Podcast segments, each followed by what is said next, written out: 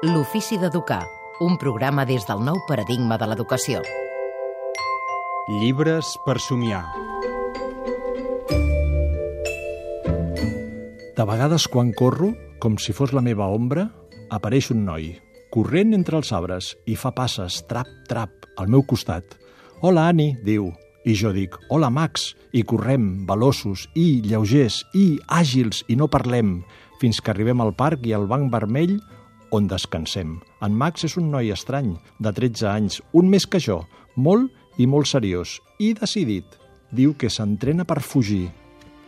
I hem escoltat el Jaume Centelles, que ens ha llegit un fragment d'un llibre de poesia, la nostra estimada poesia, Poesia. de la Sharon Creech, Un batec a l'hora, amb la traducció de la Dolors Udina. Una traducció fantàstica. Sí, és, una poes és poesia, però no rimada. Explica una història en forma de vers que no rima i és molt bonic. La història d'una nena de 12 anys, la Annie, i el que li passa durant aquell temps. Ella corre descalça i un, hi ha un company d'escola que també, la, també corre amb ella. Un corre perquè vol aconseguir unes sabatilles esportives i ella corre per plaer, perquè s'ho passa bé corrents i disfruta.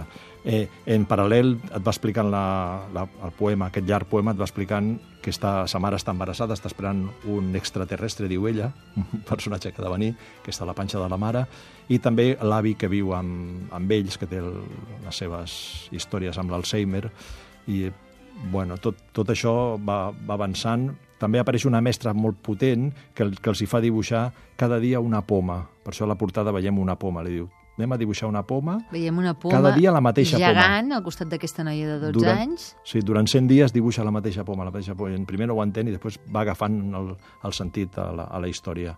Molt bonic. I quin és el sentit de dibuixar cada dia la mateixa poma? Eh, Prova-ho, prova-ho. Ah, Agafa't una poma, Sí? posa't Sí? aquí i Sí? ves dibuixant Sí. i veuràs cada dia del, per dalt, per sota, per un costat, per l'altre. Ara està Bueno, més si més no, la poma anirà canviant. La poma canvia, clar. No sempre és igual. I la meva visió també canviarà. La, segurament que sí. També podríem dibuixar cada dia els nostres fills i veuríem com canvien. Sí.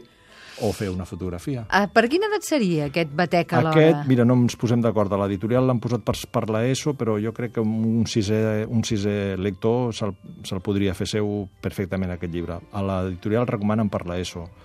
Jo crec que pel vocabulari, per la història... Clar, l'ideal seria 12-13 anys. Un llibre publicat per Pagès Editors de Sharon Creech, Un batec a l'hora, un llibre de poesia, De perquè poesia, sempre és sí. important posar Sí. poesia a la I nostra tant, vida i a la i dels nostres sí. fills. Moltes gràcies, Jaume. A vosaltres.